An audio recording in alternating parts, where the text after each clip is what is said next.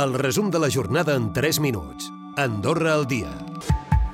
Més neu que d'altres estacions i millors ofertes que combinen hotel i forfait d'esquí serien algunes de les raons que estan fent que aquesta temporada alta de l'hivern estigui superant fins i tot algunes expectatives.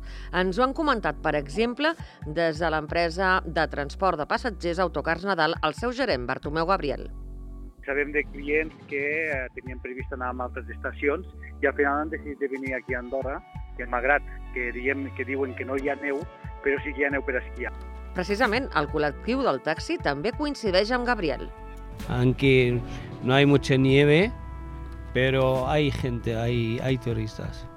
Per exemple, l'ocupació durant aquesta setmana de febrer als allotjaments turístics està sent superior a la registrada els anys anteriors. De fet, a Bordes d'en Valira l'ocupació supera el 95% i entre el Tarter i el Pas no baixava el 85%.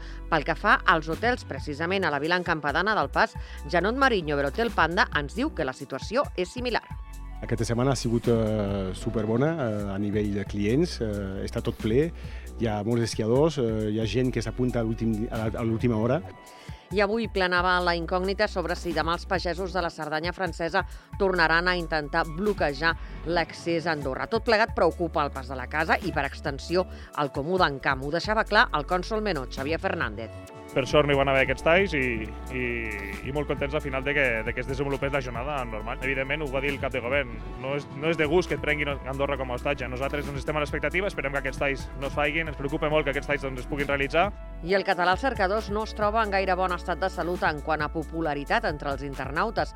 És per aquest motiu que el Departament de Política Lingüística ha encarregat un estudi a Andorra Recerca i Innovació. Ens ho explica el seu director, Joan Sans. En el cas de casa nostra, que també s'ha resolt parcialment el problema, el que volem és conèixer quin és l'estat real d'això, no? perquè sí que detectes coses, però no tens el detall Precisament al carrer, això és el que ens expliquen els ciutadans. Utilitzo normalment el Google eh, .cat, crec que era, que és en català. Depèn del moment, perquè clar, en català no hi ha tanta informació moltes vegades com en castellà. Normalment en espanyol, pel Google, és més ràpid, més resultats. Els resultats són diferents, ja no depèn tant, tant de tu, eh, t'ensenya el que t'ensenya. I les jornades de cuina d'hivern de la Massana barregen cuines al món amb la del país. La falta de neu s'ha fet notar i els restaurants reben menys afluència que d'altres anys. Això sí, els seus participants volen respectar el producte del país, ens ho explica el Julien Balang, xef del restaurant Palanques. Cada hivern intento canviar els plats, però hi ha plats que s'han de quedar. Al final és, eh, són productes de temporada i pots arribar a canviar-los una mica, però has de guardar-los.